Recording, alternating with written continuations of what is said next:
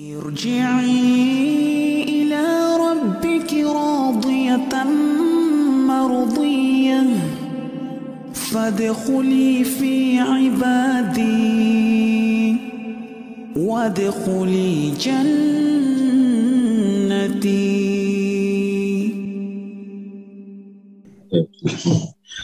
بسم الله الرحمن الرحيم.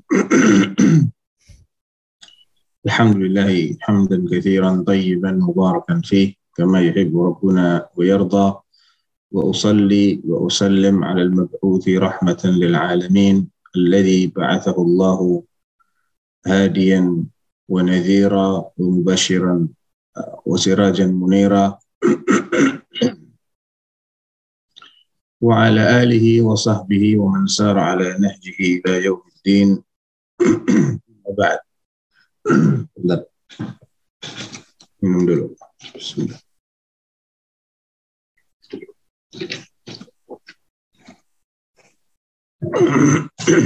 Baik, uh, ayuhal ikhwah barakallahu fikum. Uh, masih ada yang tersisa ya dari surah Ad-Duha. Cuman tepatnya kita kemarin sampai di ayat berapa ya? Bisa dibantu ngingetin? Dan kayaknya ini Ustaz di udah mau terakhir sih yang ayat 9 nih kayaknya. Ayat 9 ya. Ya.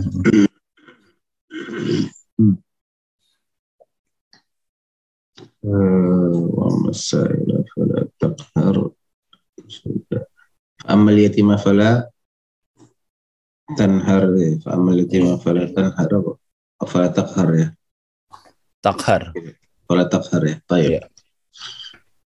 Uh, dalam tafsirnya Syekh Abdurrahman As-Sa'di rahimahullahu taala menjelaskan ini masih ada kaitan dengan ayat sebelumnya ya. Jadi kita mundur dikit. Wa wajadaka 'ailan fa'aghna dan dia juga dahulu mendapatimu sebagai orang yang ail yakni fakir. Fa'aghna maka Allah jadikan kamu ini berkecukupan. Bima fatahallahu alaika minal buldan. Dengan takluknya negeri demi negeri. Masuk dalam kekuasaanmu sehingga otomatis ada imbal balik yang didapat oleh Rasulullah Shallallahu Alaihi Wasallam seiring dengan banyaknya daerah-daerah yang beliau taklukkan yaitu mendapatkan ghanimah, mendapatkan kharaj. Ya, kalau ghanimah itu yang didapatkan pasca perang berakhir yang diambil dari musuhnya, alutsistanya, ya, kendaraannya. Adapun kharaj itu hasil buminya. Kalau kharaj itu berkesinambungan.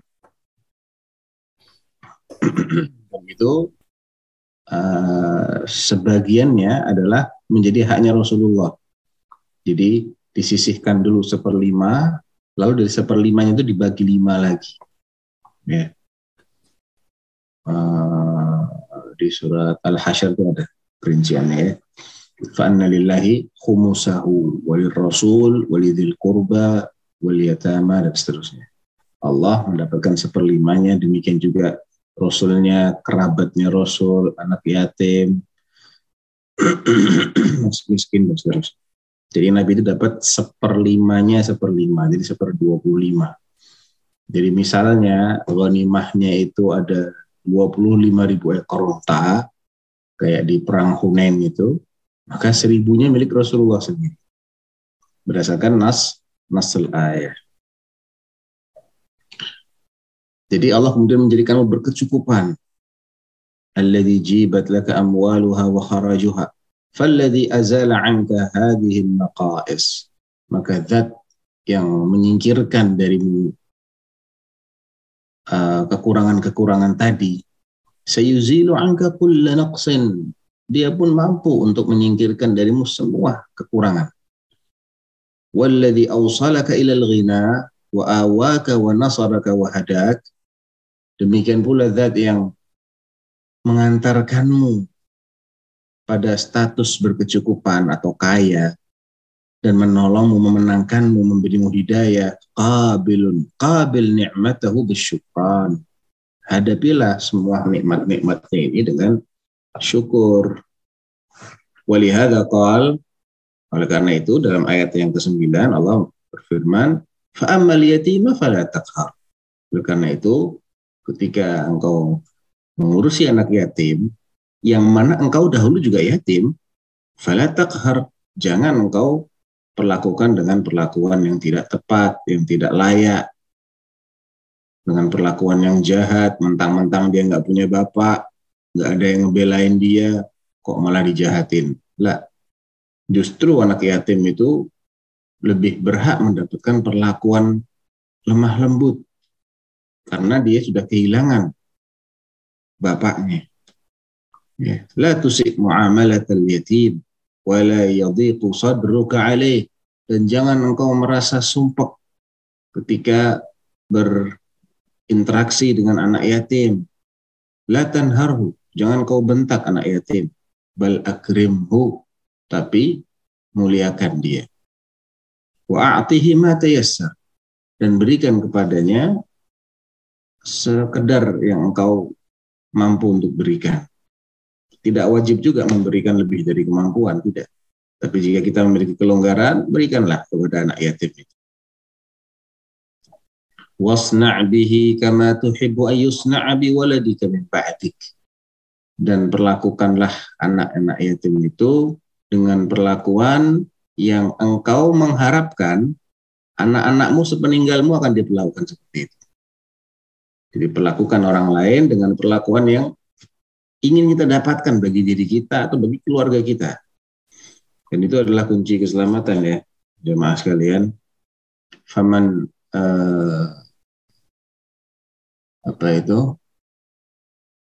faman arada an yuzahzaha anin nar wa yudkhalal jannah kata Rasulullah SAW fala ta'tihi maniyatuhu illa wa huwa yu'minu billahi wal yawmil akhir wal ya'ti ilan nas bima yuhibbu an yu'ta ilaihi nah, ada ada bagian pertama barang siapa yang ingin dijauhkan dari neraka dan dimasukkan ke dalam surga dan itulah kesuksesan yang sejati apa kiat-kiatnya? Fala ta'tihi maniyatuh. Jangan sampai dia dijemput oleh kematian illa kecuali wahwa dia dalam keadaan yu'minu billahi wal yaumil akhir. Beriman kepada Allah dan akhirat. Wal ya'ti dan juga kiat yang kedua selain iman adakah amal? Ada. Wal ya'ti ilan nas bima yuhibbu ayyukta ilaih Hendaklah dia perlakukan. Dia sikapi orang-orang itu dengan sikap yang dia ingin disikapi seperti itu. Kita ingin orang lain, kita ingin diperlakukan secara adil, ya kita berbuat adil. Kita ingin dihargai, ya kita menghargai orang lain. Kita ingin dikasih ada orang yang bersimpati dan berempati kepada kita, ya kita lakukan hal yang sama.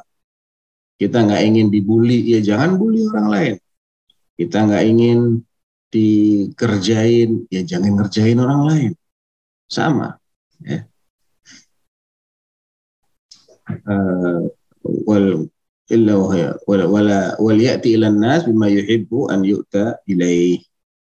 Dan sebagaimana dahulu Allah menggerakkan hati kakeknya Rasulullah, kemudian pamannya Rasulullah untuk mengurusi beliau yang yatim itu, bahkan yatim piatu, maka ketika engkau sekarang sudah berkecukupan, ya perlakukan anak-anak yatim dengan perlakuan yang baik.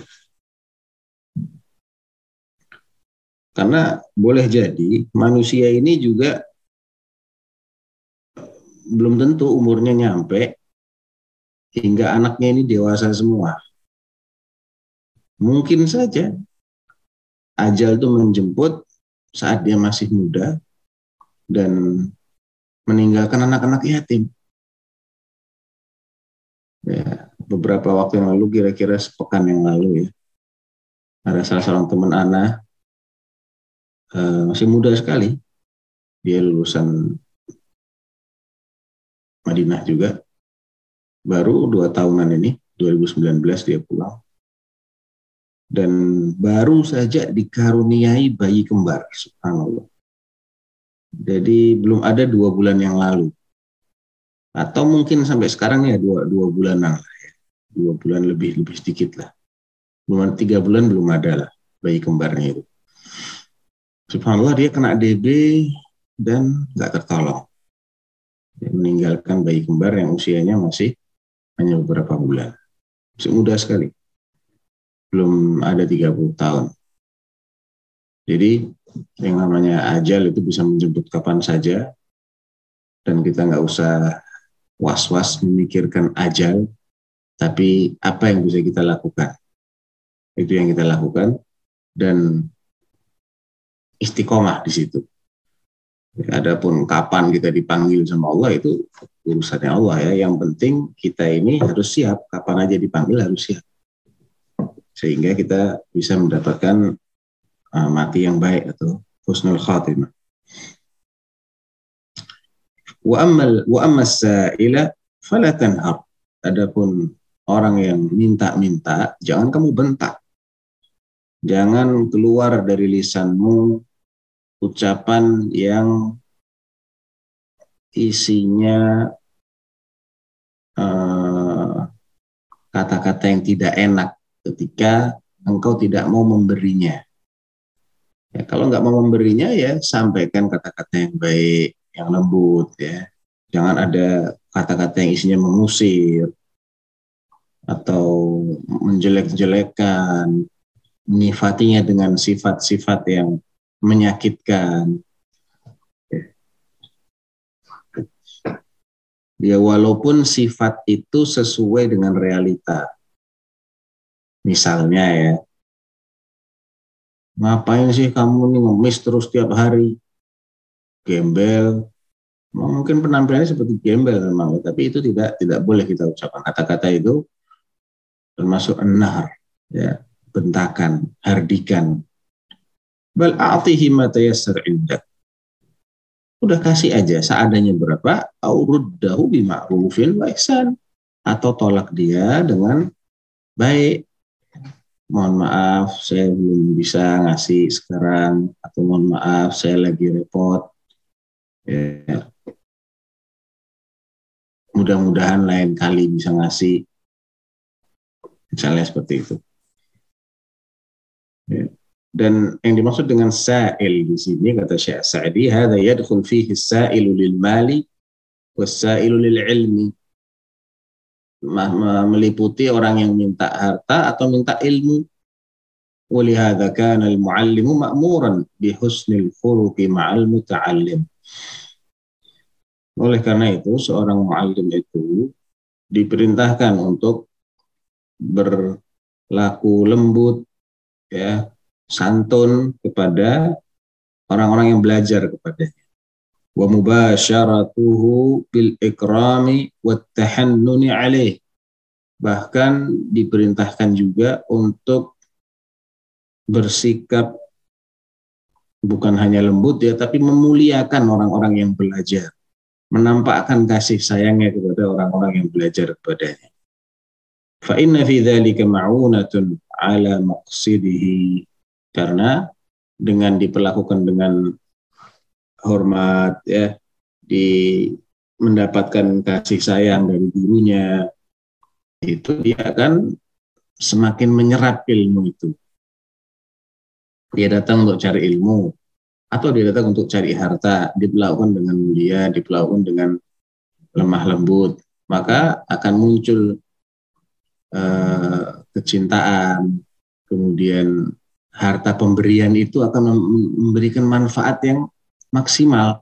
Demikian juga ilmu yang dia dapatkan dengan cara yang baik tadi itu akan benar-benar dia benar-benar dia manfaatkan, dia ingat-ingat. Lain halnya kalau dia mendapatkannya dengan cara yang tidak nyaman, tidak nyaman dengan kata-kata, dengan hardikan, ya tentunya kesannya akan berbeda ya pasti akan berbeda. فإن في ذلك معونة له على مقصده وإكراما لمن كان يسعى في نفع العباد والبلاد. Dan itu merupakan pem, penghormatan kepada orang-orang kalau ini dalam talabul ilm ya konteksnya penghormatan kepada orang-orang yang berusaha untuk memberikan manfaat kepada bangsa dan negaranya. Ya, karena orang penuntut ilmu itu dan ilmu ini tidak hanya ilmu syari ya, semua ilmu yang bermanfaat juga masuk ke sini. Jadi antum dan antuna yang berprofesi sebagai dosen misalnya di perguruan tinggi atau guru ya eh, di samping sebagai dokter juga kan ada juga yang mungkin sambilannya ngajar ya di kampus sama. Jangan apa jangan malah ya mudah-mudahan di sini nggak ada ya tapi di tempat lain tuh saya sering dengar giliran dia yang jadi dosennya anak ininya adik kelasnya yang dapat apa itu apa istilahnya ya dikerjain lah. Pokoknya anak-anak yang baru masuk tuh dikerjain itu istilahnya apa itu dipelonco apa ya. Iya iya. Di pelonco ya. Os, ospek. ospek ospek. Jadi balas dendamnya bukan kepada yang dulu mendolimi dia tapi kepada orang-orang ini nggak salah dong dia dikerjain. Nah ini kan nggak nggak nggak benar gitu. Ya kalau kita ini menerima kedoliman dari si A si B si C itu tidak berarti kita boleh mendolimi si D si E si F. Kan dia nggak berbuat sama kita. Yang berbuat kan A B C tadi ya ima nanti kita eh, minta keadilan di dunia atau kita kita minta keadilan di akhirat. Jangan malah kita balas dengan mendolimi anak-anak yang nggak ngerti nggak punya kesalahan apa apa sama kita. Ya, itu eh, pola pikir yang salah kaprah. Itu justru akan menjadikan kezaliman itu berantai terus. Padahal Allah menyuruh kita idfa billati hiya ahsan Ya, tinggal kita melihat dari sudut pandang mana. Kita melihat dari sudut pandang ego, ya kita nggak terima didolimi. Tapi itu tidak berarti membolehkan seseorang berlaku zalim kepada selain yang kepada orang yang menzolimi pun dia nggak boleh berlaku zalim. Dia hanya boleh berlaku adil. Zalim nggak boleh. Jadi dengan cara apa diperlakukan, ya dia menuntut yang zalim diperlakukan dengan cara yang sama. Itu sudah maksimal. Atau yang lebih baik, dimaafkan. Dan dimaafkan tuh nggak rugi. Nggak rugi. Ya. Karena Allah menjanjikan pahala yang besar bagi orang-orang yang eh, memaafkan. Sebagaimana kita ingin dimaafkan juga oleh Allah kan maka berbuatlah hal yang sama kepada hamba-hamba Allah. Tapi ini sudah yang zalim nggak dapat keadilan yang nggak zalim dizolimi. Jadi kan berantai terus akhirnya. Baik. Wa amma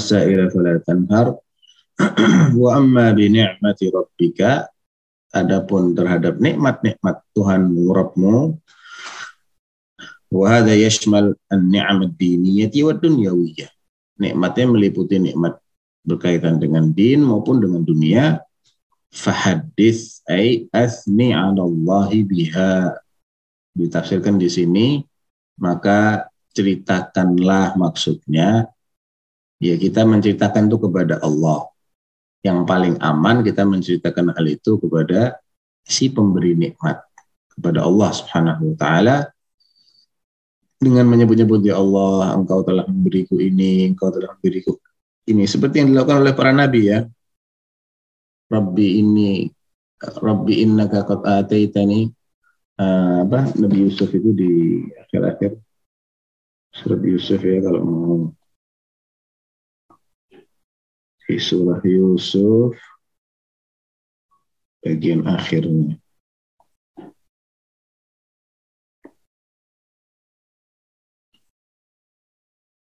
Bagian-bagian belakang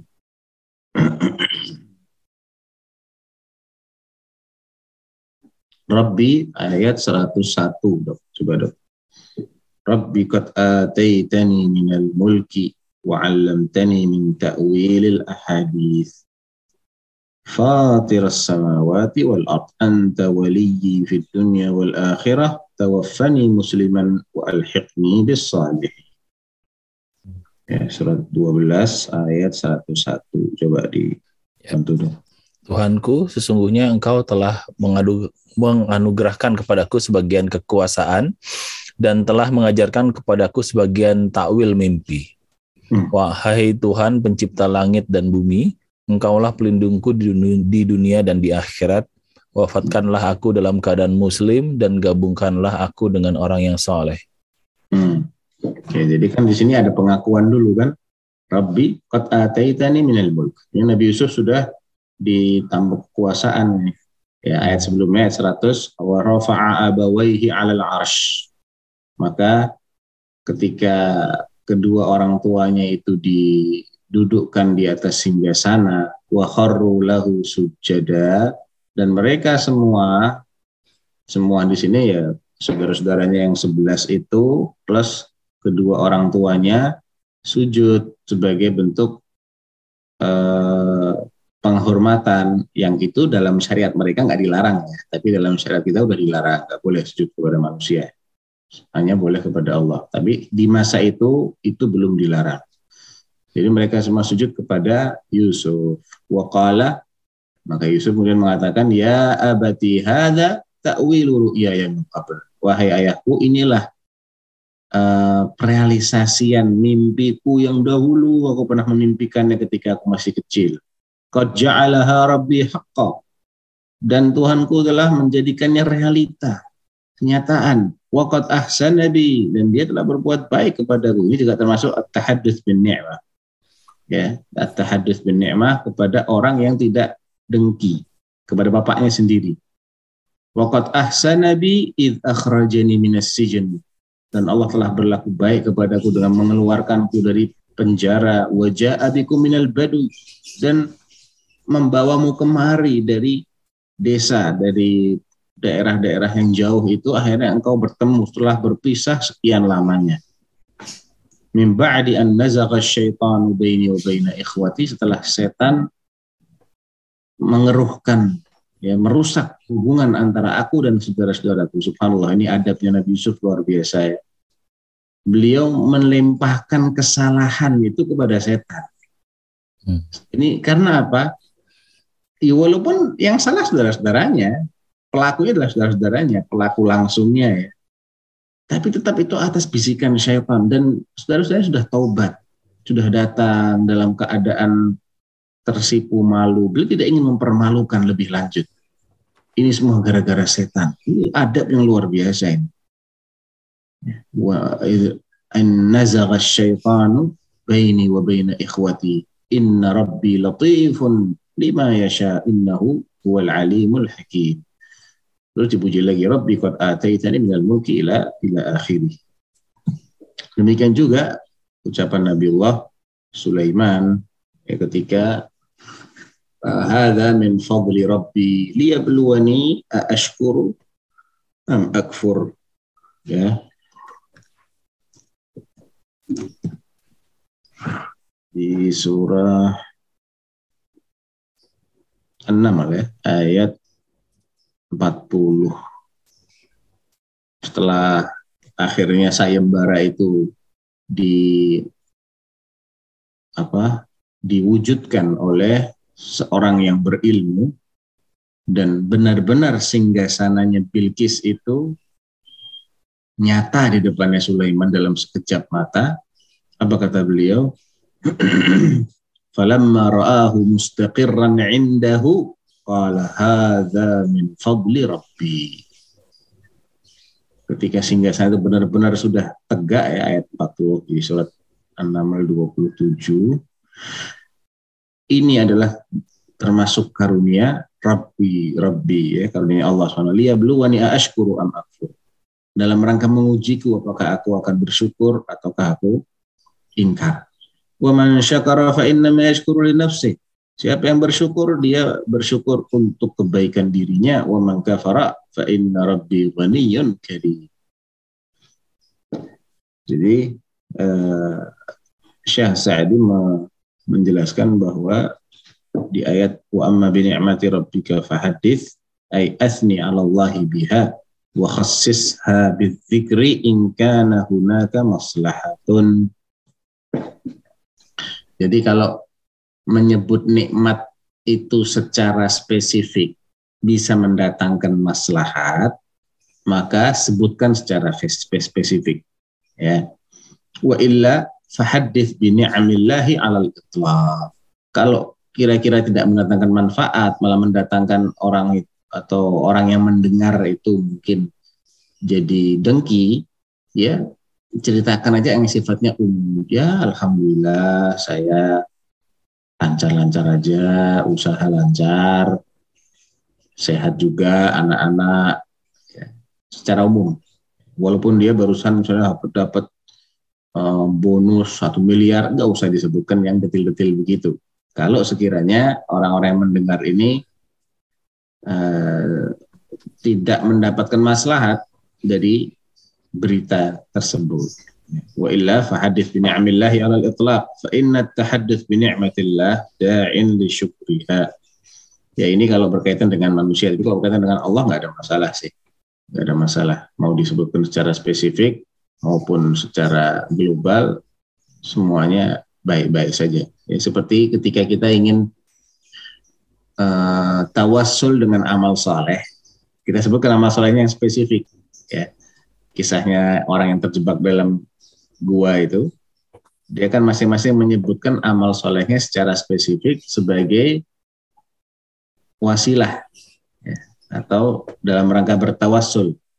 Yang satu menyebutkan birul walidennya, yang satu menyebutkan menjauhi zina ketika udah di depan mata, yang satu lagi menyebutkan bagaimana dia menyimpan bahkan menginvestasikan gaji pegawainya yang kabur nggak pakai izin dan ketika sudah lama dia baru balik lagi dikasih semua gajinya plus hasil itunya pengembangannya. Nah, ini nikmat-nikmat yang sifatnya spesifik itu di, disebutkan oleh si hamba ini.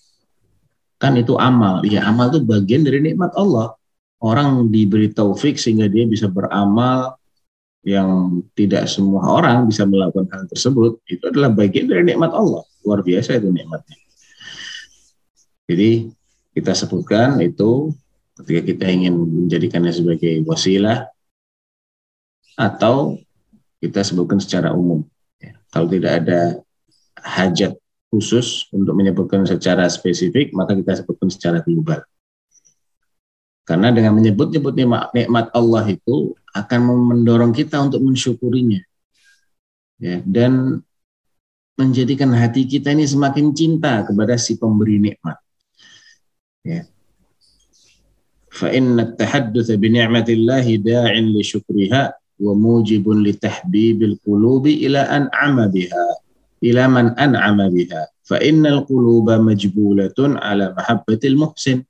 karena hati manusia ini memang diciptakan senang kepada orang yang ber, kepada pihak yang berbuat baik kepadanya. Manusia maupun yang lain. Nah, makanya ada pepatah Arab atau ada syair Arab mengatakan ahsin ilan nasi tasta'bid qulubahumu fatalama sta'badal insana ihsanu ahsin ilan nasi berbuat ihsanlah kepada manusia, tasta'bid qulubahum. Engkau akan berbudak hatinya. Jadi hati itu akan nurut banget. Fatala masta'badal insana ihsanu. Karena manusia itu selalu ditaklukkan oleh kebaikan orang lain. Ya, apalagi orang Indonesia ya. Apalagi orang Betawi yang punya sifat apa itu dok, pokewo ya dok ya. Betawi bukan? Iya, iya kayak Jawa ya. Iya iya. Jawa mah nggak nggak pakai putihan Betawi itu yang suka pakai. Oh, iya, tebolak Jadi, ya itu orang nggak nggak usah jadi orang Jawa atau orang Betawi itu sudah punya bakat untuk ya sungkan lah dia baik sama saya sungkan gitu loh. Apalagi uh, kebaikan itu adalah kebaikan yang luar biasa besarnya dan yang paling baik itu Allah Makanya perbuatan syirik itu adalah kejahatan terbesar. Kejahatan terbesar. Karena itu adalah sikap kurang ajar yang tidak ada yang lebih kurang ajar lagi dari itu. Nah, jadi kalau kita melihat kenapa sih Allah ini demikian anti sama perbuatan syirik, demikian murka kepada orang yang berbuat musyrik ya karena itu adalah kekurang ajaran yang luar biasa. Ya, bayangkan aja seandainya ada orang yang demikian baik sama fulan. Dari kecil dipelihara si fulan ini, dari lemah pipis ngompol, dianya diompolin sama si fulan.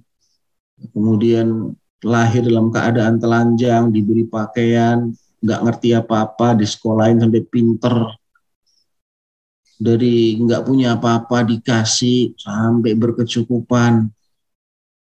Eh begitu gede diingkari semua kebaikan. Dia nggak mau nurut sama orang yang selama ini berbuat baik kepadanya. Dia justru nurut kepada musuhnya si si orang tuanya ini. Musuhnya dibela mati-matian, didengar dan ditaati. Orang yang selama ini berbuat baik-baik sama dia diingkari kebaikan. Nah, di mata orang yang ngurusin dia selama ini, nggak ada anak lebih durhaka kepada orang ini.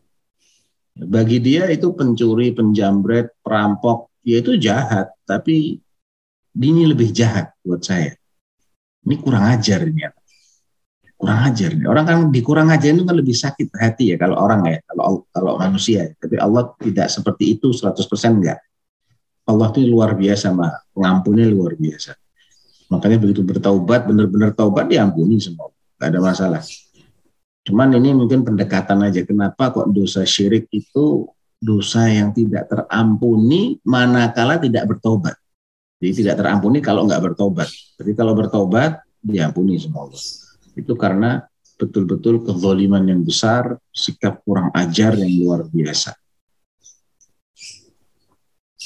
Nah, barangkali itu mungkin ada yang mau ditanyain. Kalau enggak kita lanjut ke berikutnya. Udah ada pertanyaan nih Ustadz di kolom chat.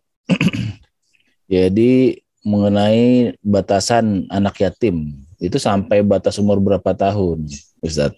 Syukron. Yatim itu sampai dia balik sebetulnya ya. Jadi istilah yatim itu akan selesai manakala dia sudah balik. Akan tetapi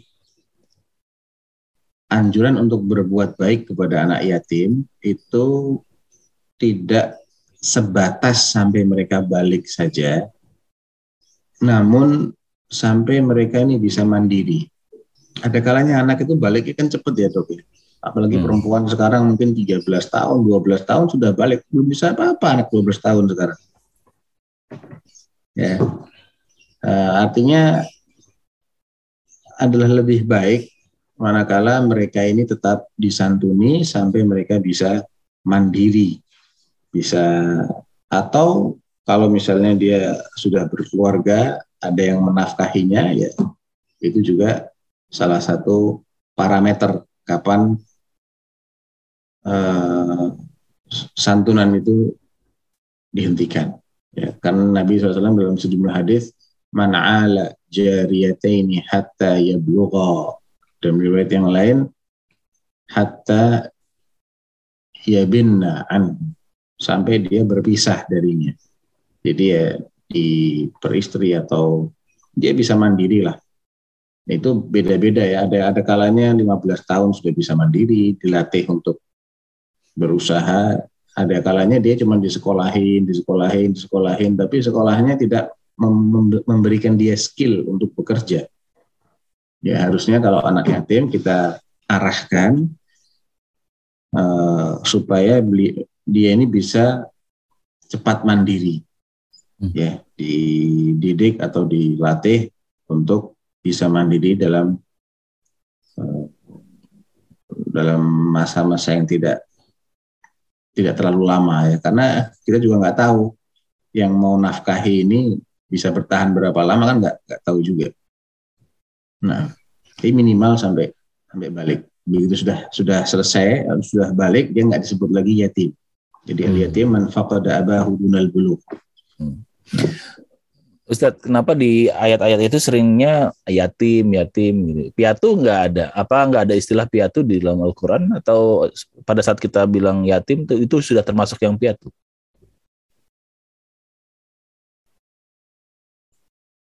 Uh, karena keberadaan bapak itu tulang punggung ya, yang menafkahi. Ketika dia ini kehilangan kehilangan bapak, maka dia kehilangan orang yang selama ini menjadi sumber penghidupannya, menjadi pelindungnya dia, pengayomnya dia. Dan itu walaupun kehilangan ibu juga berat, namun eh, pada dasarnya kalau bapaknya itu masih hidup, yang nafkahin dia masih ada. Hmm. Jadi dia ini masih relatif survive lah ya. Dibandingkan kalau bapaknya tiba-tiba meninggal, kan ibu itu juga nggak nggak mudah untuk bisa langsung nikah lagi. Kemudian suami bapak tirinya ini kan belum tentu dia akan sebaik bapaknya, bapak kandungnya. Dan beda dok antara orang punya bapak tiri dengan orang punya ibu tiri orang punya ibu tiri, misalnya nih ya, misalnya ibu tirinya ini jahat, bapaknya bisa nikah lagi, mencari yang mungkin lebih sesuai dengan karakter anaknya, atau bisa saja menceraikan yang yang jahat ini diganti dengan yang baik. Tapi kalau statusnya ini ibunya yang nikah lagi, kan nggak bisa segampang itu. Hmm. Ya, bapak itu lebih punya kuasa di rumah kalau dia jahat banget, anaknya diusir kan lebih sengsara lagi dia hidupnya. Ibunya juga nggak bisa bebas-bebas ngurusin anaknya ketika dia sudah menikah dengan laki-laki lain. Belum tentu juga laki-laki itu mau, aduh anaknya banyak yatim semua, ah capek ntar saya. Dia harus berbagi dengan anak yatimnya, dia harus uh, dengan anak-anaknya, dia harus ngurusin anaknya, harus ngurusin saya juga. Saya nggak bisa jadi nggak nggak semudah orang yang ditinggal oleh uh, bapaknya ya. Mungkin karena itu sehingga ada penekanan yang lebih terhadap anak yatim. Nah, baik. Jazakallah khair Ustaz atas penjelasannya. Nah, ini udah ada yang nggak sabar menanya secara langsung nih dari Cilegon. Silakan, Chef. Assalamualaikum warahmatullahi wabarakatuh, Ustaz. Waalaikumsalam warahmatullahi wabarakatuh. Barakallahu fiik Ustaz. Terkait dengan ayat yang keempat Ustaz, ayat keempat surat A2 itu wal akhiratu khairul laka minal ula. Hmm. Itu saya membaca ini ada satu hadis yang direwetkan oleh Aisyah mengenai uh, kolat pakanat tilka akhiru kalimatul takallama biha yang terkait dengan Itulah kata terakhir yang beliau ucapkan yaitu ya Allah aku memilih derajat di sisimu yang paling tinggi. Nabi hmm. Apakah uh, hadis ini uh, menetapkan bahwa uh, hadis yang mengatakan uh, apa sebab ucapan la ilaha illallah itu uh, dakhalal jannah itu Ustaz. kata-kata terakhir Rasulullah juga bukan yang la ilaha illallah itu Ustaz. Hmm. Mohon hmm. penjelasan Ustaz. Syukran Ustaz. Iya. Yeah. Afwan. Jadi eh, pertama karena di situ Nabi Shallallahu Alaihi Wasallam diberi pilihan. Allah memberikan pilihan ya. Tetap mau hidup, mau lanjut, atau ingin kembali ya memenuhi panggilan Allah. Nah, beliau milih ilar rofiqil fafadat ruhu. Ini enggak enggak ada masalah dengan mangkanat akhir kalami min dunya la ilaha illallah Nabi itu sudah pasti masuk jannah. Ya, Nabi udah pasti masuk jannah dan beliau udah ngulang-ngulang la ilaha illallah sebelum itu. La ilaha illallah inna lil mauti sakarat. Allahumma hawwin alayya min sakaratil maut.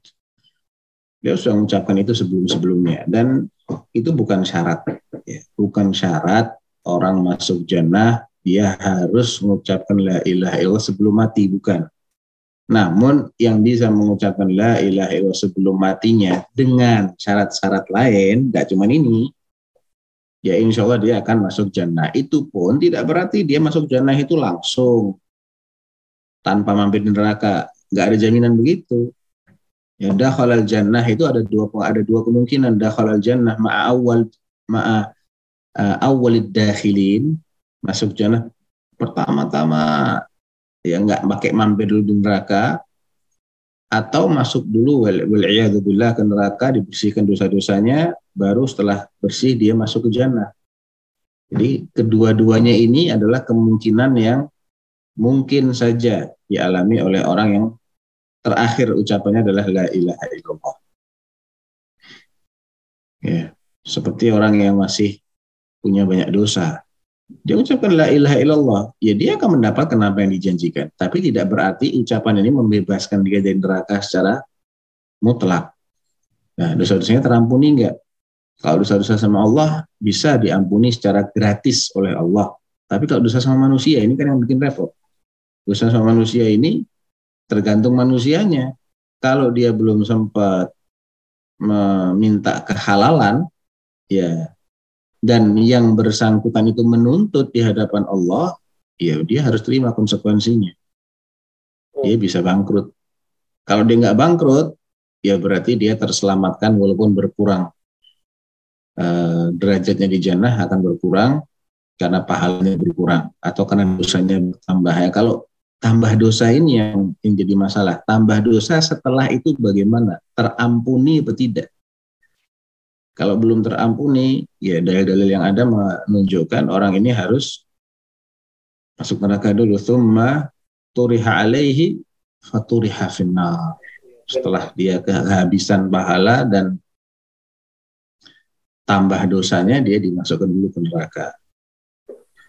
Nah. Tapi sunnah juga Ustadz yang diminta orang untuk mentalkinkan eh, apa mentalkinkan dengan la ilaha illallah. Talkinnya sunnah sunnah itu. Talkinnya sunnah, tapi kita juga harus perhatikan kondisi mayit.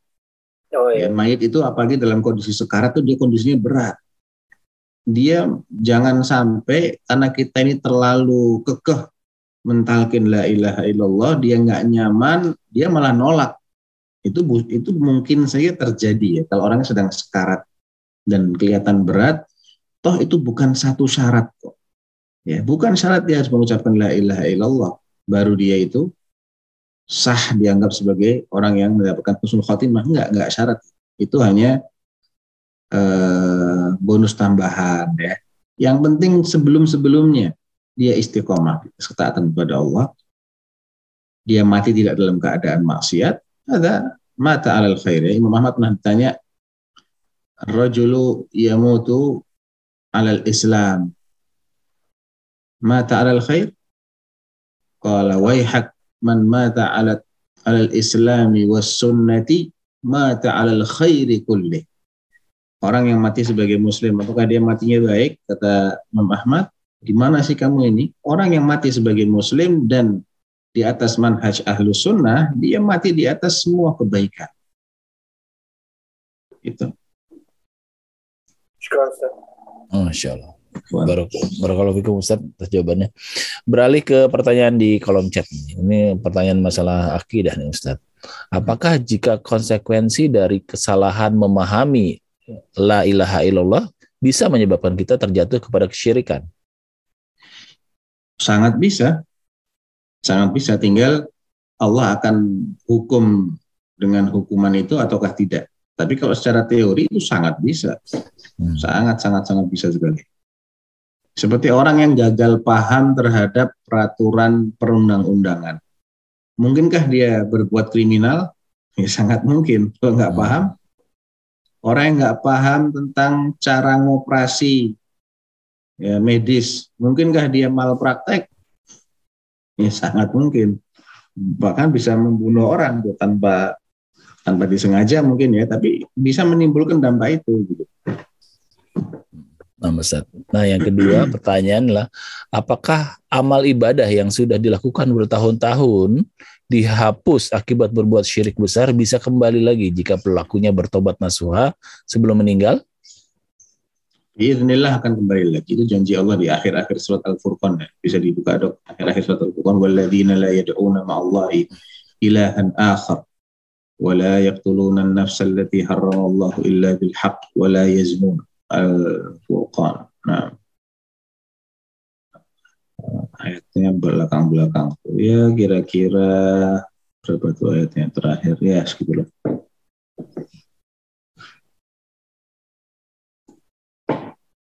Terus, nah nih, nah, terus, terus, terus, terus, terus, terus, nih, 68. Itu kan pertama dibahas, ada tiga dosa besar di sini yang dibahas. Pertama syirik, yang kedua pembunuhan, yang ketiga zina. Ini besar-besar semua ini, kelas kakap semua nih. Ayatnya bilang apa? Walladzina la yad'una ma'allahi ilahan akhar. Tentang syirik dulu ya. Dan orang-orang yang tidak mempersekutukan Allah dengan sembahan lain. Artinya dia tidak berbuat musyrik. Wala yaqtuluna an-nafsa allati harramallahu illa bil Dan dia juga tidak membunuh orang yang diharamkan Allah untuk dibunuh kecuali dengan alasan yang benar. Wala dan tidak berzina. Wa may yaf'al dzalik yalqa athama. Dan barang siapa melakukan demikian itu niscaya dia mendapatkan hukuman yang berat. Nah, selanjutnya ampun membaca doa. Ya, yakni akan dilipat gandakan azab untuknya pada hari kiamat dan dia akan kekal dalam azab itu dalam keadaan terhina. Lanjut. Kecuali orang-orang yang bertobat dan beriman dan mengejar mengerjakan kebajikan maka kejahatan mereka diganti Allah dengan kebaikan. Allah Maha Pengampun, Maha Penyayang. Hmm. Lanjut. Dan barang siapa bertobat dan mengerjakan kebajikan, maka sesungguhnya dia bertobat kepada Allah dengan tobat yang sebenar-benarnya. Ya, jadi di, dijanjikan oleh Allah akan kembali ada juga hadisnya, cuman anak agak lupa redaksinya itu. Hmm, redaksi hadisnya kayak apa, anak agak, agak lupa ya. Tapi yang jelas, asalkan dia ini setelah bertaubat dia istiqomah. Seperti dalam ayat 71 ini, wa man taba wa amila salihan. Bertobat dan mengerjakan kebajikan. Ini berarti dia istiqomah. Taubatnya dipelihara bukan balik lagi, tobat lagi, balik lagi, tobat lagi, balik lagi. Ya, kalau begitu Allah alam Allah akan kembali kenapa enggak itu amalan-amalan yang lalu. Ya. Karena ada riwayat sahabat pernah tanya, Nabi menjawab dengan persyaratan kalau ente masuk Islamnya itu baik, ya dulu kamu jahat macam-macam, dulu kamu juga punya kebaikan-kebaikan di masa jahiliyah, Eh, kemudian kamu masuk Islam dan menjadi seorang Muslim yang baik, ya dosa-dosanya diampuni, itu kebaikan-kebaikannya, insya Allah ya bisa dipahalai oleh Allah. Tapi kalau setelah Muslim dia nggak baik dalam menjalankan Islam, dia akan tetap dihukum dengan dosa-dosa barunya juga.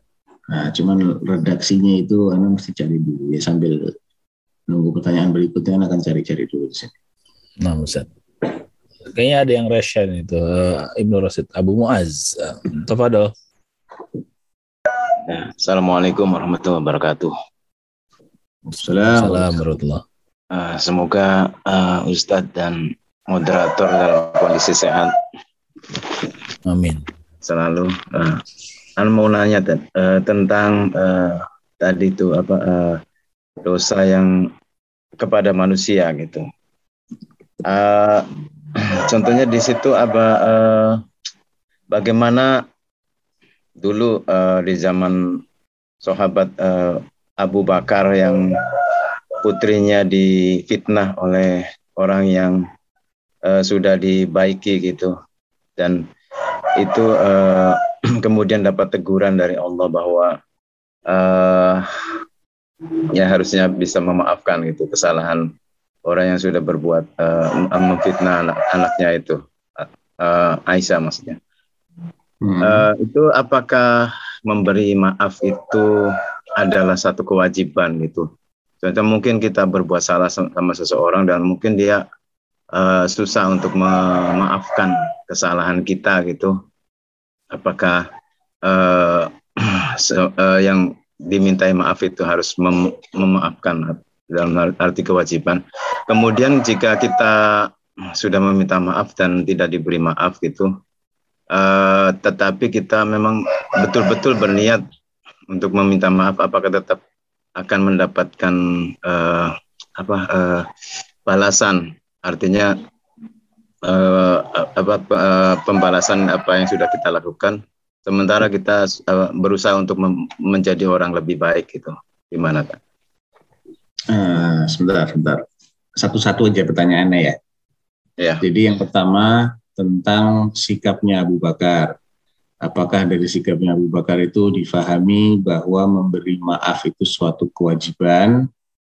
Dalam hal ini itu bukan suatu kewajiban, namun itu anjuran, itu kemuliaan. Wala ya'tali fadli ayyutu ulil qurba wal yatama wal masakin fi sabilillah wal ya'fu wal yasfahu ala tuhibbuna yaghfirallahu lakum kan Allah memerintahkan hendaklah dia memberikan maaf ya ya memberikan Itulah dia membuka lembaran baru sama kita, lembaran putih lagi.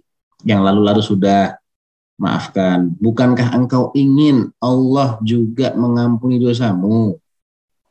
Nah, jadi ayat ini eh, bagi orang seperti Abu Bakar itu nggak ada pilihan lain kecuali dia memenuhi panggilan Allah, perintah Allah di sini. Namun, apakah ini kan kesalahannya berkaitan dengan anu ya, berkaitan dengan sesuatu yang dia sudah mendapatkan hukuman juga si Mistah ya. Mistah itu orang yang selama ini dinafkahi sama Abu Bakar, disantuni sama Abu Bakar. Eh dia terlibat dalam penyebaran tuduhan keji terhadap ibunda Aisyah. Abu Bakar kesel. Akhirnya sudah deh, kalau itu orang nggak mau nafkahin dia lagi, nggak mau nyantunin dia lagi. Nah, tapi Mistahnya termasuk yang sudah mendapatkan hukuman berupa cambuk 80 kali. Ya, hukuman cambuk ini adalah hukuman yang diterima oleh mereka-mereka yang terlibat dan terbukti keterlibatannya, termasuk si Mistah itu. Nah, apakah sekarang menjadi kewajiban bagi Abu Bakar untuk menyantuni? Enggak, enggak wajib menyantuni. Namun Abu Bakar karena orang yang kualitas imannya itu nomor satu, ya ketika Allah memberikan teguran, janganlah seseorang dari kalian itu bersumpah untuk tidak lagi menyantuni orang miskin, karib kerabatnya, orang-orang miskin, orang-orang yang visabilillah, hendaklah dia memaafkan. Hendaklah dia uh, ya ini memberikan uzur. Bukankah kalian ingin Allah ampuni dosa-dosa kalian? Nah, langsung bukan dia betul ya Allah aku ingin dosa-dosaku diampuni. Akhirnya beliau mengkafarati sumpahnya dan kembali menyantuni orang tersebut. Namun tidak berarti itu wajib ya tidak boleh tidak orang itu mau salahnya kayak apa harus dimaafkan enggak enggak enggak enggak seperti itu yang yang memiliki hak dia punya hak itu. Dia bisa tuntut haknya itu sesuai dengan aturan Islam ya bukan dengan aturan yang lain. Itu dalam aturan Islam. Afwan boleh banyak uh, apa jika kita tidak memaafkan gitu misalnya ya kesalahan orang itu berarti kesalahan kita juga ada yang tidak dimaafkan oleh Allah gitu? Atau gimana tak? Eh, bisa jadi, bisa jadi. Karena di situ Allah mengaitkan antara apa yang kita lakukan dengan apa yang Allah akan laku, perlakukan kita. Ala tuhibbuna ayyaghfirallahu lakum. Ya, supaya lebih jelas kita buka tafsirnya aja. Kita cek di tafsir Ibnu Katsir.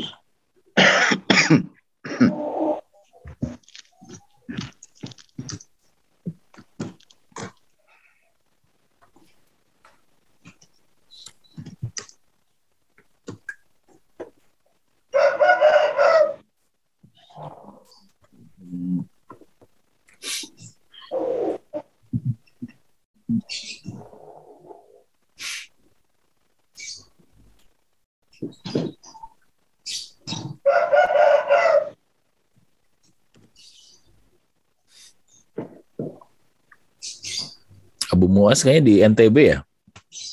Antum. Saya di Indramayu. Oh, Indramayu. Iya, ya. pernah ketemu sama eh, uh, ya. Ustaz. Masya hmm. Kajian di Masjid An Oh, Allah. Jadi di sini Allah Subhanahu wa taala Ibnu Katsir menjelaskan ya, hadhil ayah nazalat fi Siddiq, eh, fi Abu Bakar As-Siddiq hina halafa alla yanfa'a Mistah bin Utsatha binafi'atin.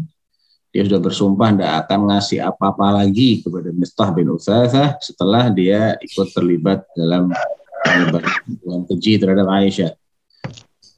Falamma anzalallahu bara'at ummil mu'minin Aisyah. Setelah Allah turunkan ayat yang menyucikan ummul mukminin dari tuduhan itu, wa tabatin nufusul mu'minah dan hatinya orang-orang beriman itu sudah lega, wastaqarrat wa taballahu ala man kana takallama dan Allah sudah menerima taubat orang-orang yang terlibat itu karena mereka sudah sudah dihukum wa uqimal haddu ala man uqima dan hukuman had cambuk 80 kali itu sudah diberlakukan kepada orang-orang yang memang terbukti. Syara'a tabaraka wa ta'ala. Mulailah Allah Subhanahu wa taala. Ya'tifu as-siddiq ala qaribihi wa nasibi ingin melunakkan hatinya Abu Bakar As-Siddiq. Eh, terhadap kerabatnya sendiri yaitu Mistah karena dia adalah anak dari bibinya Abu Bakar. Ya, bibi dari jalur ibu ya. Wa kana miskinan. Mistahnya orang miskin, nggak punya apa-apa kecuali yang diberi oleh Abu Bakar. Wa kana minal muhajirin fisabilillah. Mistahnya termasuk orang-orang yang hijrah fisabilillah. Nah, waqat walaqa walqatan nah, dan walaupun dia pernah apa ini artinya atau pernah tergelincir ya sekali yaitu dengan ikut terlibat penyebaran berita itu. Tapi Allah sudah menerima taubatnya. Sudah dicambuk dia 80 kali. Dan Abu Bakar As-Siddiq ini ma'ruf terkenal dengan kelembutannya dengan kebaikannya. Jasa-jasanya santunannya itu waduh sudah nggak terhitung lagi. Ya dia yang memberi membeli Bilal bin Rabah dari Umayyah bin Khalaf. Dibeli sekedar untuk dimerdekakan fulan dibeli dimerdekakan. Ini begitu itu begini. Jadi sudah terkenal Abu Bakar ini. Ya dia ranking satu dalam semua cabang amal soleh bisa dibilang Abu Bakar. Falamma nazalat hadhil ketika turun firman Allah ini sampai kepada ayat yang bunyinya ala tuhibbuna ayyaghfirallahu lakum wallahu ghafurur rahim. Bukankah kalian senang kalau Allah mengampuni dosa kalian dan Allah itu maha pengampun, maha penyayang. Nah, ampunan karena ampunan. Jadi al jaza min jinsil Salah satu penyebab turunnya ampunan Allah terhadap dosa-dosa kita adalah manakala kita mengampuni dosa-dosa sama kita. Ya, langsung Abu Bakar mengatakan fakama taghfir anil anil mudhnibi ilaika naghfir laka.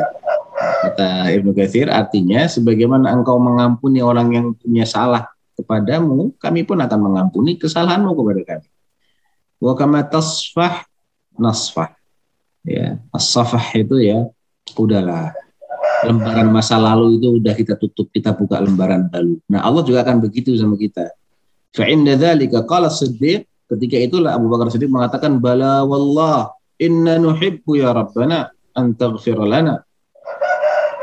Oh demi Allah ya Allah kami senang kalau engkau ampuni dosa-dosa kami. Ya Allah udah deh. Kalau gitu anak mau kafarati sumpah anak tadi. Dan dia kembali menafkahi Mustah. Dan bahkan mengatakan Abu Bakar ini radhiyallahu taala anhu wallahi la anzi'uha minhu abada. Aku tidak akan mencabut nafkah ini darinya selamanya.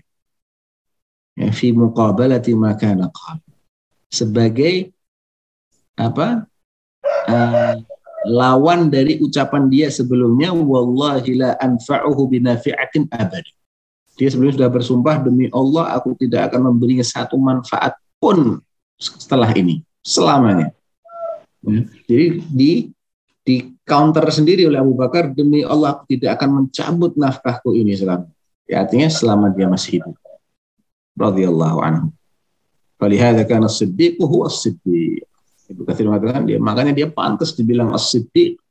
Kalau sudah ngomong udah dia akan tepati. Tapi ini sifatnya apa? Sifatnya adalah istihbab anjuran. Ya. Jadi ada cara-cara lain untuk mendapat ampunan dari Allah masih ada dengan kita bertaubat, dengan kita beramal soleh, innal hasanati yudhibna sayyiat. Salah satu adalah dengan kita mengampuni kesalahan orang lain. Itu salah satu dari jalan-jalan untuk mendapatkan ampunan Allah. Masya Allah. Hmm. Nah, masih ada Abu Muaz? Uh, tadi terkait dengan misalnya uh, kita orang yang uh, bersalahnya gitu, kemudian kita berusaha untuk memperbaiki diri gitu. Baik, kesalahannya apa dulu? Kesalahan uh, yang ada hukumannya atau kesalahan yang tidak ada hukuman duniawinya? Uh, jika apa tidak ada hukuman duniawi gitu misalnya kan? Misalnya kita mungkin berkata-kata yang menyakiti gitu. Masalahnya berkata-kata menyakiti itu itu juga uh, harus pakai standar ya karena ada orang tuh baperan banget. Orang ngomong biasa ditegur dikit aja sakit hati. Ada kan orang kayak gitu? Iya. Nah, ini nggak bisa jadi patokan. Ya kalau dia salah dapat teguran itu wajar. Sakit hati nggak sakit hati ya itu itu nggak nggak menjadi penyebab orang harus uh, istilahnya merasa berdosa ya. Kadang kita hanya bercanda gitu, kemudian dianggapnya serius dan itu kemudian ya itu termasuk mungkin baperan juga ya, tapi ya ada ada baik. Karena kalau bercanda itu kan bukan alasan yang sifatnya syar'i ya. Kalau kita menegur kesalahan orang lain, ya, oh, ya. bukan ditegur di depan umum tidak. Ya, lihat-lihat lihat-lihat makamnya ya. Misalnya makam itu lihat-lihat sikon. Hmm. Orang sedang berbuat kemungkaran dan kalau kita nggak tegur di situ, ya nggak ada kesempatan lagi untuk menegur kemungkaran itu. Ya, tegur ya. di situ. Ya sakit hati. Nah ini kita tidak tidak berdosa secara syari nggak berdosa karena ini termasuk ingkarul mungkar yang nggak bisa ditunda-tunda. Tapi ya. kalau kita bisa menundanya, kita bisa uh, mencari waktu yang tepat supaya uh, misalnya nih kita mendengar dia berbuat kemungkaran, udah selesai kemungkarannya. Terus orang ini datang di sebuah forum umum. Apakah kita tegur dia depan umum? Nggak boleh kayak begitu. Empat mata. Tapi kalau saat itu dia sedang berbuat kemungkaran di tempat itu, ya kita tegur. Maaf Pak, eh, maaf akhi, jangan begitu. Itu tidak sesuai dengan adab bermajelis. Meskipun di de depan jamaah gitu. Iya, kalau itu sedang berbuat kemungkaran yang memang eh, kalau kita nggak tegur ya dia akan lanjutin terus kesalahan itu. Nggak apa-apa ditegur di situ, tapi tegur dengan dengan bahasa-bahasa yang santun. Jangan pakai bahasa-bahasa yang kasar ya. Kasar itu kan adalah kata-kata yang disepakati sebagai kata-kata yang kasar itu ada. Kembali kepada urf. Hmm. Tapi ada juga kata-kata yang disepakati ini nggak kasar ini santun tetap wajar gitu. Teguran sifatnya wajar. Kayak Nabi negur Muat dengan teguran yang afatanun anta Muat sesuai dengan jenis kesalahannya. Dan melihat juga kepada orangnya. Muat ini nggak akan baper tegur kayak gitu sama Nabi. Oh, ya. ya, udah tahu lah, sudah teruji kecintaannya, loyalitasnya. Ya kita lihat juga orang ini tipikalnya kayak apa. Ya kalau dia misalnya uh, orang yang sudah kita kenal dan kemungkaran itu sedang terjadi, ya kan man ra'a minkum mungkaran falyughayyirhu Iya, di. Fa illam yastati' fa bilisanihi. Bisa nggak dengan lisannya?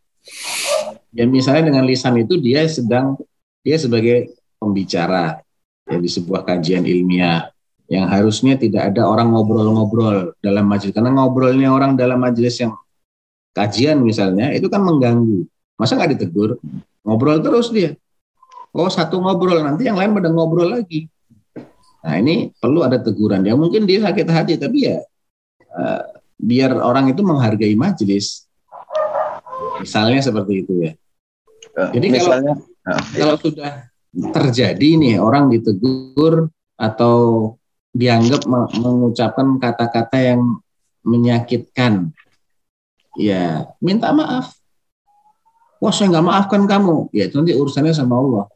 Karena kita sudah melakukan apa yang kita diperintahkan untuk melakukan. Karena kan nggak ada hukuman khusus. Kalau menuduh zina itu ada hukuman khusus. Dicambuk 80 kali udah dicambuk, udah dosanya dia terampuni sudah di sini. Haknya orang yang tertuduh sudah ter, terbayar dengan di dihukumnya orang ini. Tapi kalau dosa riba misalnya, yaitu apa namanya cara kita untuk menghapuskannya adalah dengan mendoakan kebaikan. Ya, sebagaimana dijelaskan oleh Ibnu Qayyim, dosanya riba itu dengan mendoakan kebaikan untuk orang yang pernah diribah. Itu sudah cukup. Ya. Jelas namanya ya, Mas ya. Anak kangen dengar itu eh, suara ayam itu jarang di sini. Masya Allah. Baik, selanjutnya ini pertanyaan dari yang sudah resen juga dari Umo Iqbal, silakan. Nah, uh, Ustaz, jazakallah khair atas waktu yang diberikan kepada Ana, uh, Bapak moderator. Uh, semoga Ustadz dan keluarga selalu dalam lindungan Allah Subhanahu wa taala. Sehat walafiat, berkah dunia dan akhirat.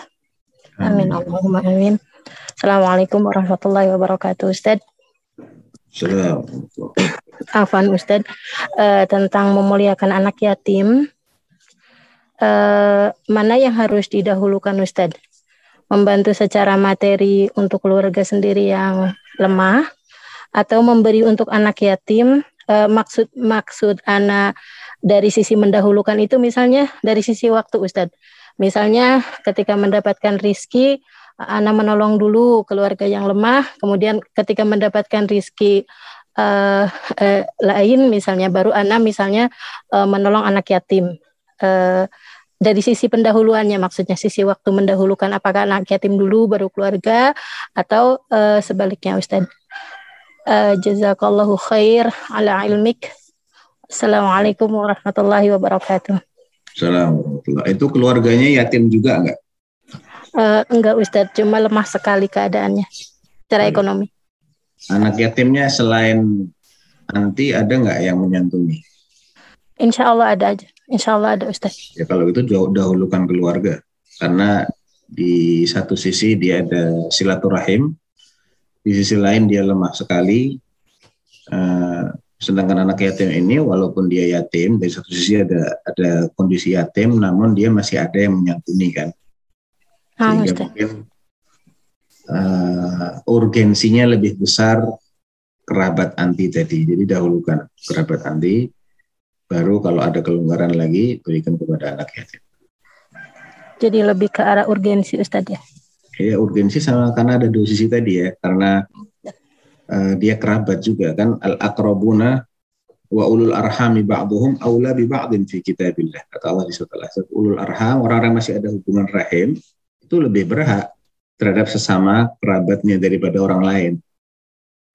Nah, Ustaz. Nah, Ustaz. Ustaz ala ilmik. Assalamualaikum warahmatullahi wabarakatuh. Waalaikumsalam Ustaz, agak di luar tema ya. Anak pengen nanya nih, soalnya penasaran. Dari yang mengenai derajat hadis ini Ustaz, Abi Malik Al-Asja'i yang mengenai kunut subuh itu ya bunaya eh, apa? Hazam muhdas ya. Oh, iya. Itu derajat hadisnya gimana sih Ustaz? Aduh, nah, ini mesti cek dulu nih. Sudah. Ya, ay bunayya muhdas. Ay bunayya muhdas. Bunayya muhdas.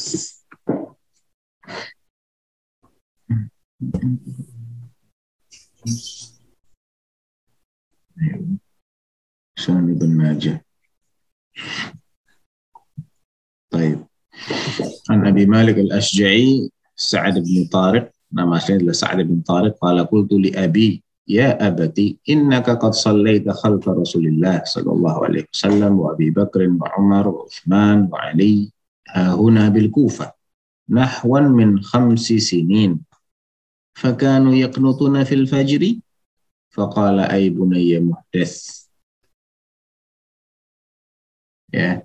Uh, ini disohhikan oleh Syekh Al-Albani sanatnya ya Syaibah kalau Abdullah bin Idris Tefah Hafs bin Ghiyath wa Yazid bin Harun wa an Abi Malik Al-Ashja'i. Hmm. Sa'ad bin Tariq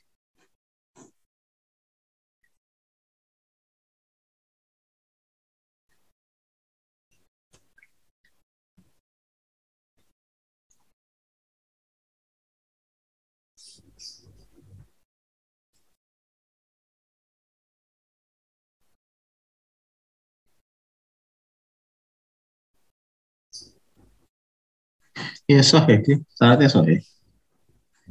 Di Shelburne juga mensahihkan juga. Nah, hadisnya riwayat uh, Imam Ahmad dan yang lain-lainnya. Hadithun sahih. Nah. Nah,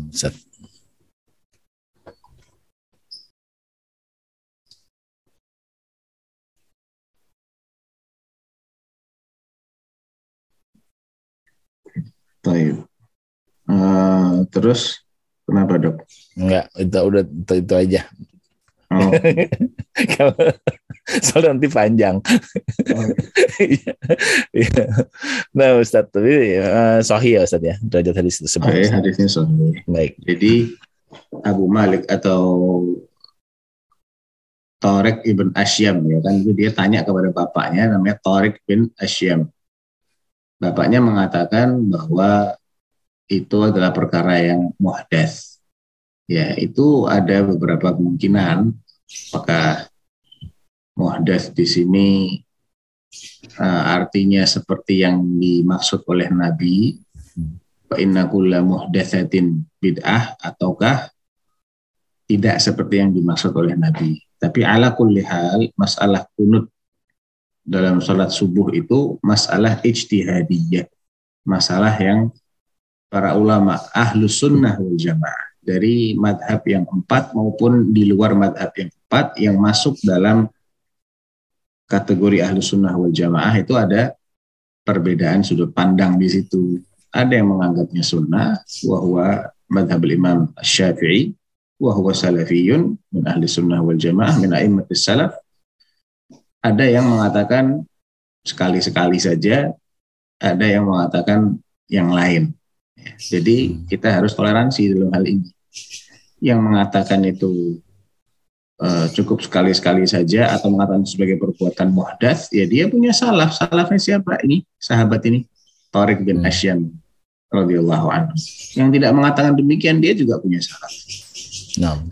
Jadi tidak tidak masuk ranah perkara yang mengeluarkan seseorang dari ahli sunnah wal jamaah. Baik dia mengamalkan ataukah tidak mengamalkan, itu tidak mengeluarkan dia dari ahli sunnah wal jamaah. Hmm. Nah. Nah, Ustaz, jazakallah khair. Berikutnya pertanyaan dari kolom chat nih Ustaz, mengenai anak yang ditinggal pergi sama ayahnya atau ayahnya nggak ngurus gitu ya. Apakah eh, apa artinya dia nggak yatim tapi tidak diurus sama ayahnya. Apakah uh, hukumnya sama dengan anak yang yatim?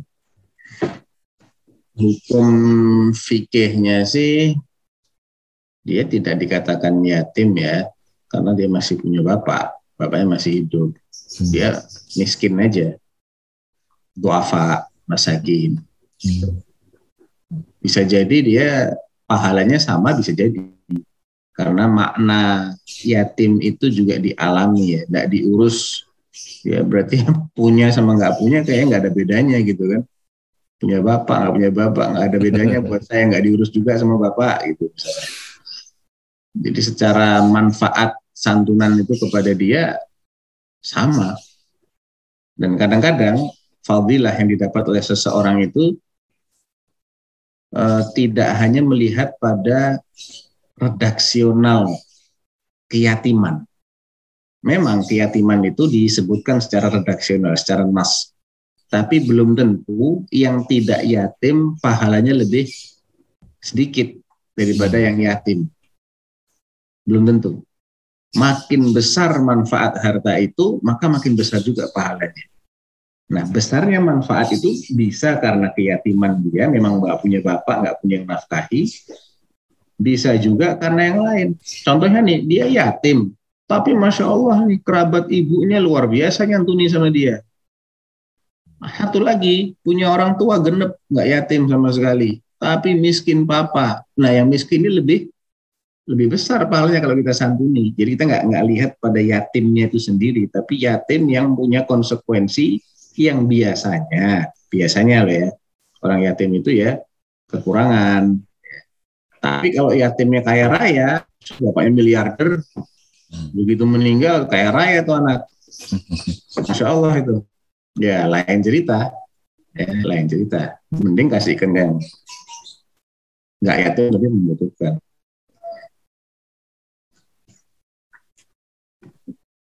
Baik Ustaz Nah, apakah partisipan ada masih ada yang mau bertanya? Silakan karena saya sudah oh ada Siti Suhaya yang resen. Silakan Siti. Assalamualaikum ya. warahmatullahi wabarakatuh. Waalaikumsalam warahmatullahi wabarakatuh. Alhamdulillah jazakallah khairan kasihan.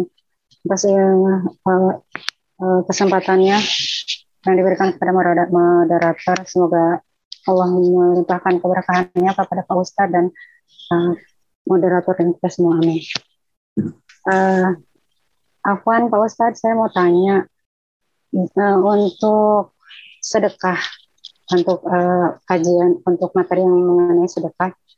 Uh, Afwan, uh, jika kita dalam perjalanan, ini sering kita dalam angkot itu suka gonta-ganti uh, pengamen yang turun naik untuk minta sedekah gitu.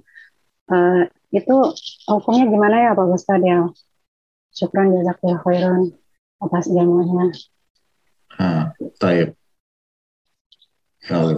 Jadi saya sebetulnya kalau pemberian itu untuk murni sedekah itu nggak ada masalah sih. Cuman kadang kalau ada kekhawatiran lihat dari orangnya misalnya tatoan, anting-antingan, kayak wah nggak nggak sholat, anu ya kita kita malas ngasih ke dia. Dan kita tidak khawatir dia uh, apa yang menjailin kita setelah itu. Nggak dikasih pun nggak ada masalah kadang-kadang yang ngasih itu biar cepet dia nyingkir gitu ah udah ada malas dengerin kamu kenceng ente nih. Dia segera dia nyingkir misalnya. Itu juga nggak nggak masalah juga. Boleh. Artinya kita memberi untuk menghindarkan gangguan orang lain. Hmm. ada orang yang kalau nggak dikasih ngamen terus dia. Ya. Topinya nggak digeser-geser di depan kita terus. Kan kita malas tuh kalau ketemu orang kayak gitu. Ya udah dikasih biar dia beralih segera dia beralih. Nggak dikasih juga nggak ada masalah. Kalau kita mending saya ngasih yang lain atau kita mohon maaf Pak, nggak ada receh misalnya, nggak ada uang kecil, dan dia juga tetap beralih ya silahkan aja nggak usah dikasih. Tapi insya Allah nggak nggak dosa gitu. Kita nggak nggak berdosa dengan sedekah kepada orang-orang seperti itu. Karena sedekah itu kepada orang kafir pun tidak ada masalah. Nah. Kurang jasa kurang jasa Iya.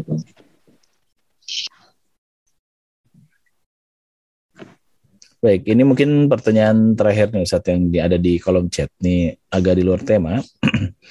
Mohon maaf bertanya di luar tema terkait buku yang ditulis Ustadz dengan judul Ibunda Para Ulama Ustadz disebutkan di buku tersebut tentang kehebatan Syekh Muhammad Al Hasan Walad Ad-Dadu Asyankiti.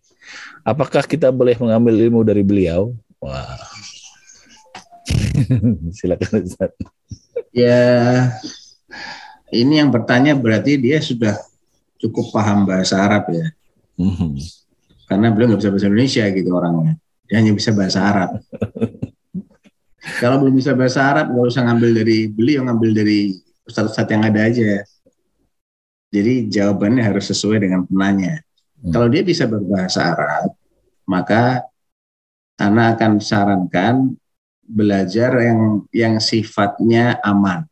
Memang beliau itu setelah anak tulis buku itu ya, itu kan udah lumayan lama ya, kira-kira 2012 tahun, 10 tahun yang lalu. Ada beberapa catatan terhadap eh, manhaj beliau. Ya, dalam menjelaskan masalah-masalah akidah itu ada beberapa catatan karena beliau ini sering juga berinteraksi dengan orang-orang yang uh, maturidiyah mungkin ya atau ada bau-bau asyariyahnya juga ada sedikit berbau sufinya juga. Karena interaksi tersebut akhirnya dia juga terwarnai walaupun awalnya awalnya itu dia eh, dididik dengan akidah yang yang benar. Karena memang manusia ini kadang kalau setelah dididik dengan benar dia berinteraksi dengan orang-orang yang agak menyimpang dia bisa ketularan. Tapi misalnya pembahasan tentang masalah-masalah fikih atau masalah-masalah lugawiyah bahasa atau masalah-masalah misalnya eh, tafsir yang wadih yang jelas nggak ada masalah. Silahkan di, dijadikan sebagai salah satu narasumber ilmiah. Ya semua orang juga juga pasti ada ada tergelincirnya. Tidak menjadi jaminan ketika orang ini tidak dikritisi oleh para ulama kemudian berarti dia benar terus nggak ada jaminan juga tapi kalau kita ingin mengambil ilmu ya kita waspadai saja hal-hal yang suka dikritisi oleh para ulama terkait orang tersebut seperti layaknya Al- Al-Imam An-Nawawi, Ibnu Hajar Al-Asqalani dan banyak juga ulama-ulama lain yang dalam bab-bab itu kita waspadai. Tapi dalam bab yang lain yang dia bicara sesuai dengan faknya, sesuai dengan keahliannya, ya nggak ada masalah. Gitu. Hmm. Nah, Karena Ustaz. intinya sih, intinya bukan beliau, tapi intinya peran ibunya itu yang anak ingin angkat tuh peran ibunya, bukan sosok orang ini sendiri ya, tapi peran ibunya itu yang kita ingin angkat di situ.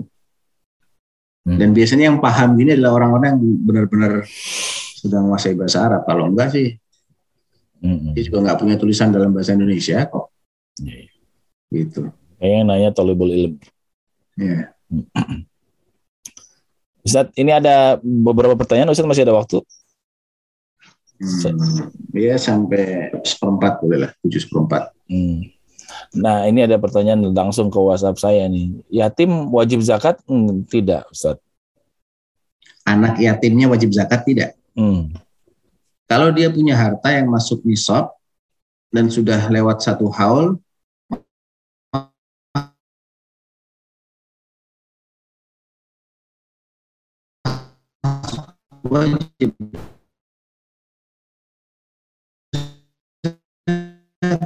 Karena kewajiban zakat itu dikaitkan pada hartanya. Pada hartanya, harta yang dimiliki oleh seseorang. Jadi yang mezakati adalah walinya yang ngurusin harta itu siapa itu yang nanti terkena kewajiban untuk mengeluarkan zakat Baik, Ustaz. Hmm. Nah, terus pertanyaan berikutnya, apa hukum kita berada pada lingkungan kerja yang pemahaman agama Islamnya beragam?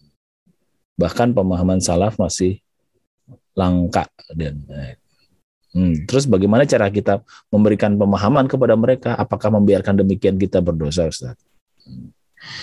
Enggak bukan membiarkan ya artinya kalau ada pemahaman yang berbeda yang kita mendengar obrolan mereka begini begitu begini begitu wah ini enggak sesuai dengan akidah yang benar nih ya diingkari dalam hati itu minimal ketika dia sudah mengingkari dalam hati dia sudah menunaikan ingkarul mungkar dalam keadaan yang paling sederhana. Tidak lagi berdosa dia. Walaupun itu iman yang lemah. Kenapa dibilang iman yang lemah? Karena dia pasif. Kemungkarannya nggak hilang dengan diingkahi dalam hati kan nggak hilang kemungkaran itu. Kalau besok dia ketemu dibahasnya itu lagi terus, nah dikhawatirkan lama-lama dia bisa ikut terkontaminasi. Nah, jadi ini beda-beda orangnya. Kalau lingkungan itu tidak sedemikian masif menyebarkan pemahaman yang menyimpang dan dia masih bisa menghindar, bisa menjaga akidahnya, maka silahkan dia tetap berada di situ. Nggak ada masalah. Tapi kalau tidak seperti itu dan potensi dia ikut terjerumus itu cukup besar, maka sebaiknya dia mengantisipasi entah dengan pindah ke divisi lain atau misal ya, misal nih daripada mendengarkan mereka ngobrol yang nggak benar nggak benar misalnya anak pasang headset aja karena dengerin murotal atau dengerin kajian tanpa mengganggu kinerja ya Hmm. Tanpa mengganggu kinerja ini harus penting, harus diperhatikan. Tetap dia bisa kerjain, tapi tanpa dia harus mendengar obrolan itu, ya silahkan dilakukan giat-giat itu. Atau minta dialihkan ke divisi lain misalnya. Nah, kalau nggak bisa juga mau resign ya alam usaha nggak apa-apa itu bagian dari hijrah. Nah, nah Ustaz. Berikutnya pertanyaan nih Ustaz. Uh, Assalamualaikum Ustadz, izin bertanya bagaimana dengan tetangga yang ekonominya di bawah standar dikarenakan pekerjaan kepala keluarganya hanya biasa saja. Tetapi menurut saya kepala keluarga tersebut bisa lebih maksimal dalam mencari nafkah. Apakah saya bantu atau cukup nasihati saja? Barakallahu fiik Ustadz. Iya dibantu, dinasihatin juga lah itu lebih bagus gitu dibantu bagus nasihatin bagus dua-duanya lebih bagus. Ya mangga mangga gitu. Orang Betawi mangga betul ya? Iya mangga. Semuanya jadi Betawi nih.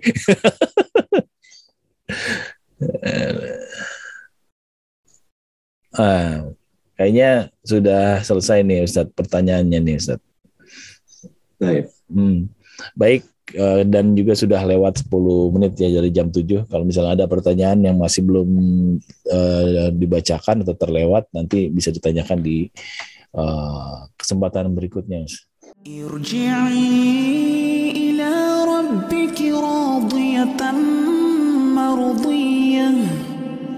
فادخلي في عبادي وادخلي جنة جنتي